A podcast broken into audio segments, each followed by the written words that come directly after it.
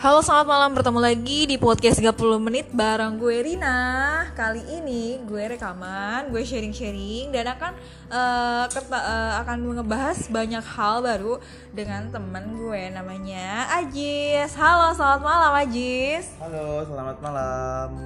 Uh, Udah lama banget ya kita nggak ketemu berapa lama, berapa abad? Ya karena kan kamu ke Jakarta terus. Aku kan stay di Solo. Ya. Iya ya.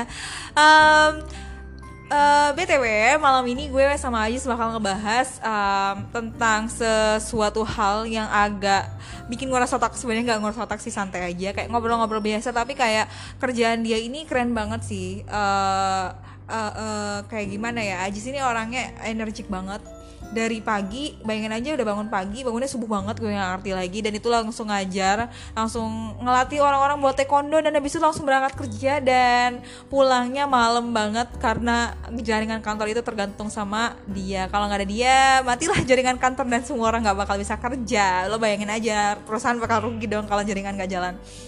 Oke okay, Jis gue mau nanya dong uh, lo tuh sekarang uh, ngerjain jaringan. Nah uh, jaringan uh, jaringan yang lo kerjain tuh di ada divisi apa sih IT support kah atau emang lo anak jaringan kah? Uh, kalau sekarang posisinya berubah jadi junior DevOps. Oh, lo gue pengen tahu dong DevOps itu sebenarnya apa sih? Uh, kalau DevOps itu kayak gimana ya? Itu kayak penghubung antara developer, developer itu yang bikin aplikasinya yang mereka coding-coding code-code, kita dari code-codenya mereka itu kita tampung kemudian kita build jadi satu supaya nanti bisa jadi aplikasi kayak gitu. Oh berarti uh, tugas lo ini tuh kayak cuman nyambungin ngemengintegrasikan gak sih? Ya mirip kayak gitu integrasi integrasi. Cuman ya emang kita harus punya dasaran juga untuk nantinya bisa uh, apa ya ya tahu coding codingnya dari teman-teman dari developer kayak gitu I see, I see keren banget sih dan berarti kayak uh, beda dong sama IT support or sama apalagi tuh sisa admin beda atau emang emang hampir sama atau emang beda namanya doang sih? Kalau misalkan sama IT support memang beda. Kalau IT support itu kan ya hanya setidaknya ya gimana ya, kayak membantu untuk mungkin install install ulang mungkin kemudian ada masalah problem di komputer itu dibenahi dan lain sebagainya. Tapi kalau misalkan sysadmin sama DevOps itu hampir mirip. Cuman perbedaannya kalau sysadmin itu bagaimana kita harus menyiapkan seluruh komputer atau seluruh seluruh server atau mungkin uh, hardware-hardware yang dibutuhkan untuk suatu perusahaan dengan skala yang besar sembari juga menyiapkan jaringan komputernya, jaringan internetnya. Tapi kalau buat yang DevOps itu berbeda. Kalau DevOps itu bagaimana nanti dari code-code yang dibuat oleh developer itu dapat diintegrasikan secara otomatis supaya nanti bisa jadi aplikasi. Wow, keren keren keren keren banget dan kemarin sih gue sempat lihat juga Ajis tuh lo tuh ini ya lagi migrasi suatu jaringan ya tapi gue nggak ngerti sih itu gue uh, ngeliat flownya lo ngoding juga lo ngurus jaringan juga itu berarti plus plus dong lo jatuhnya ya kalau misalkan ke depan kalau misalkan saya bisa uh, lebih mendalami lagi ya nanti jadinya bisa jadi full stack namanya kalau salah ya kayak gitu. I see, wah keren banget sih. Oh gue pernah baca sih. Jadi di apa ya gue lupa di TechCrunch atau di mana gitu uh, bahwasanya tuh uh, gaji DevOps ini paling gede ya. Hahaha. Jadi teman-teman pada ketebak dong. Jadi jadi gue pernah baca sih dan di beberapa sumber juga itu uh, gaji-gaji tertinggi untuk uh, orang yang bekerja di bidang IT adalah DevOps terus sysadmin terus kayak data science terus developer tuh di urutan berapa gue gak ngerti full stack dulu sih tapi kayak kayak front end back end terus itu adalah emang sudah besar sih untuk ukuran di Indonesia tapi mungkin terkalahkan sama DevOps dan lo tahu sendiri berapa gaji DevOps dan gaji gue kalah banget sama lo sih Jis. Nah terus um, selanjutnya gue mau nanya nih uh, lo tuh emang backgroundnya di IT ya sampai lo bisa sepinter sekarang ini jadi orang yang paling dipercaya di kantor? Ya enggak sih. Saya uh,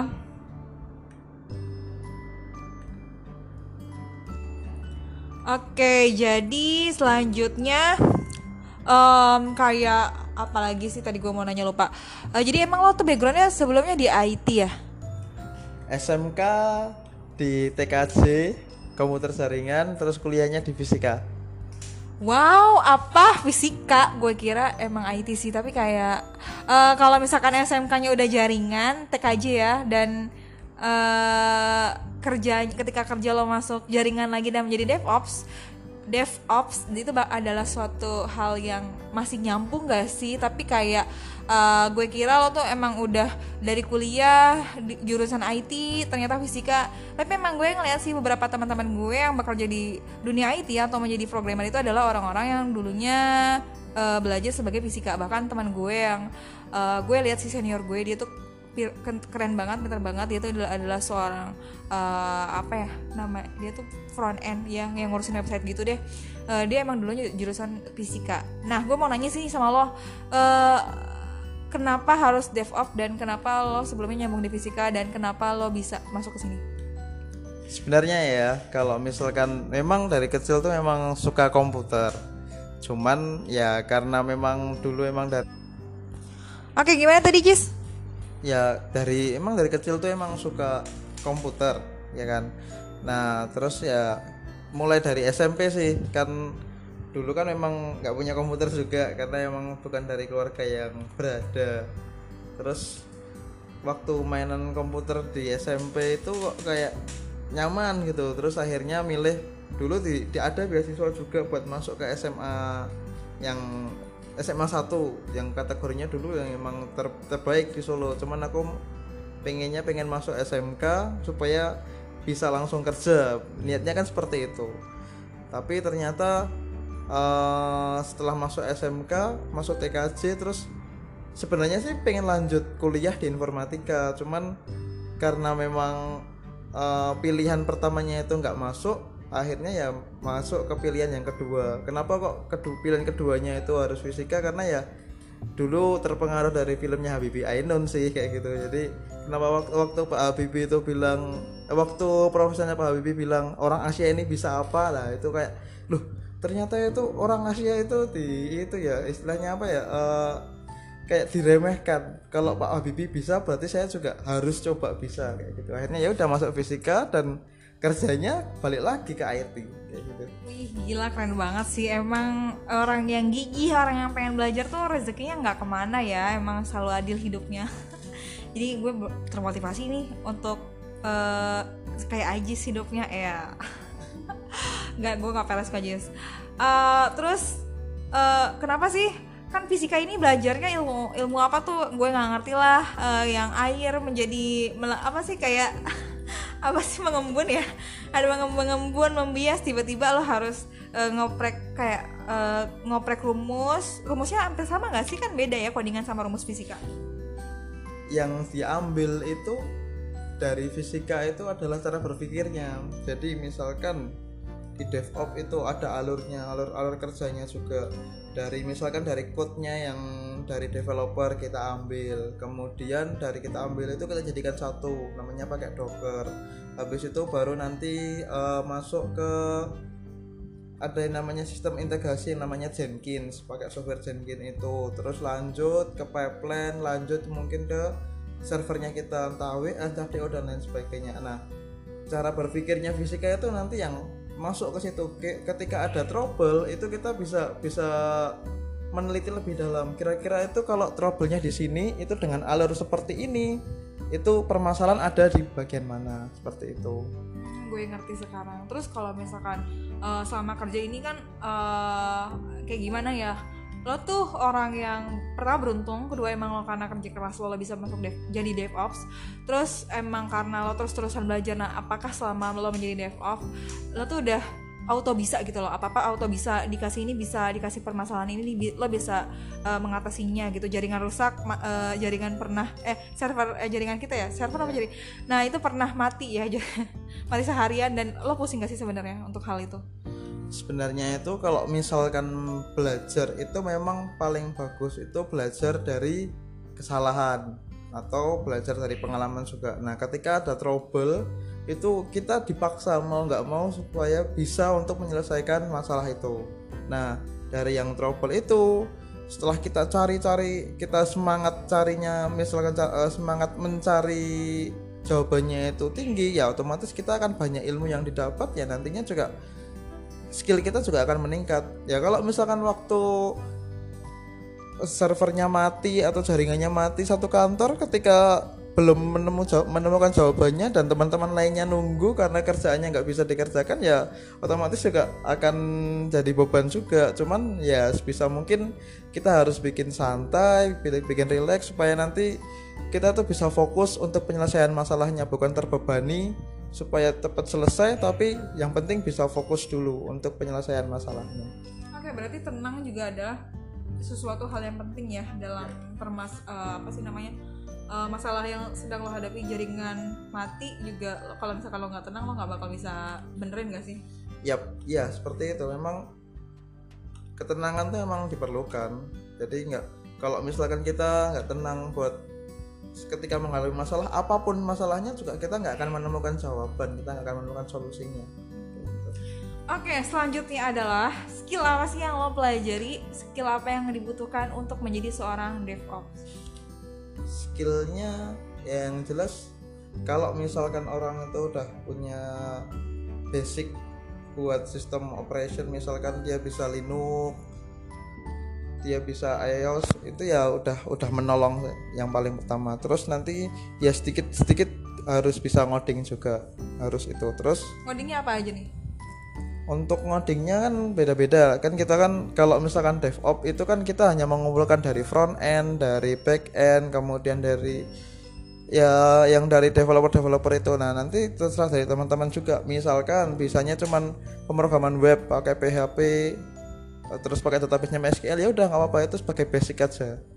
Nantinya sembari belajar eh, lebih mendalam mengenai DevOps. Karena DevOps sebenarnya ya nggak eh, apa nggak nggak sedalam buat eh, dari developer sampai detail untuk membuat aplikasi nggak kita hanya dari developer kita ambil kemudian kita jalankan kita otomatisasi supaya nanti bisa jadi suatu eh, aplikasi kayak gitu Oke, terus kalau misalkan eh, gue mau jadi DevOps nih, tes-tes apa sih yang kira-kira bakal gue laluin untuk menjadi DevOps?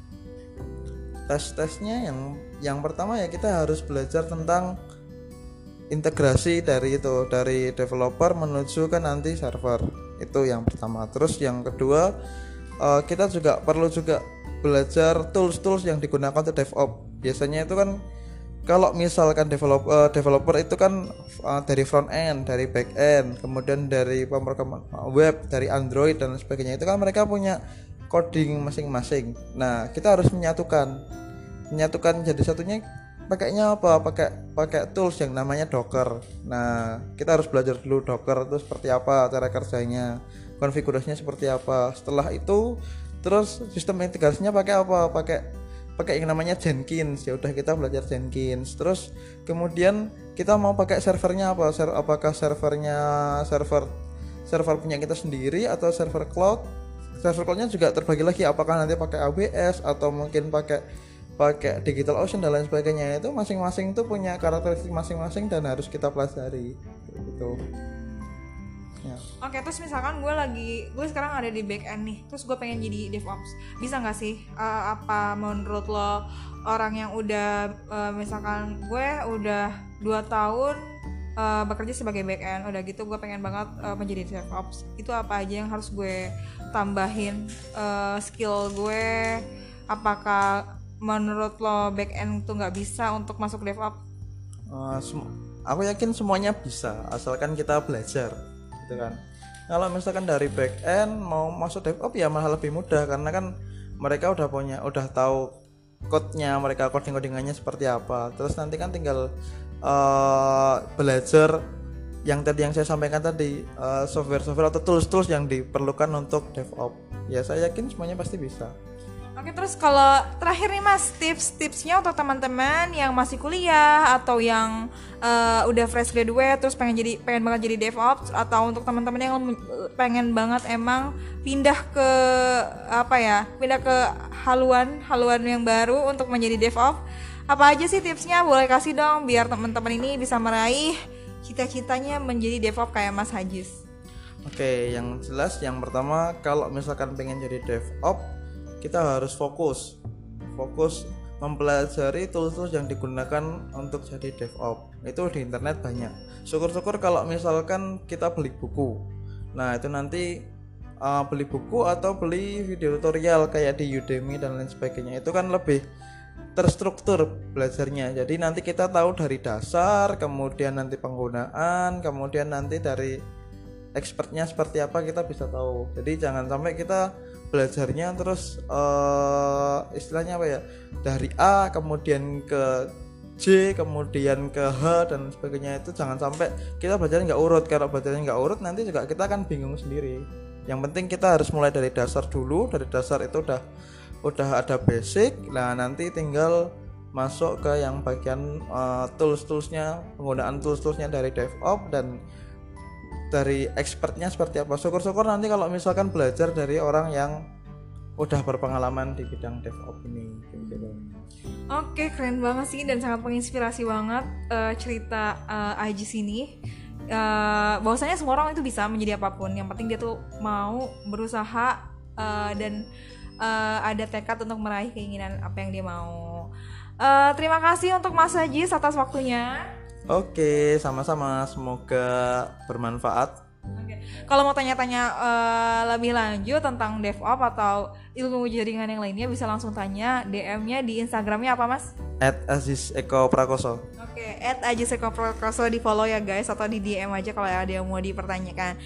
Uh, baik, terima kasih untuk teman-teman yang udah dengerin dan udah nyita waktunya selama beberapa menit ini untuk mendengarkan podcast 30 menit. Sampai bertemu lagi di podcast selanjutnya. Hasta la vista baby and see you.